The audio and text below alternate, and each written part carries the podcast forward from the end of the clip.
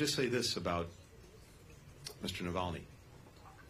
Someone truly heroic in his life, in his work, but the fact that Vladimir Putin saw it necessary to persecute, poison, and imprison one man speaks volumes, not about Russia's strength under Putin, but its weakness.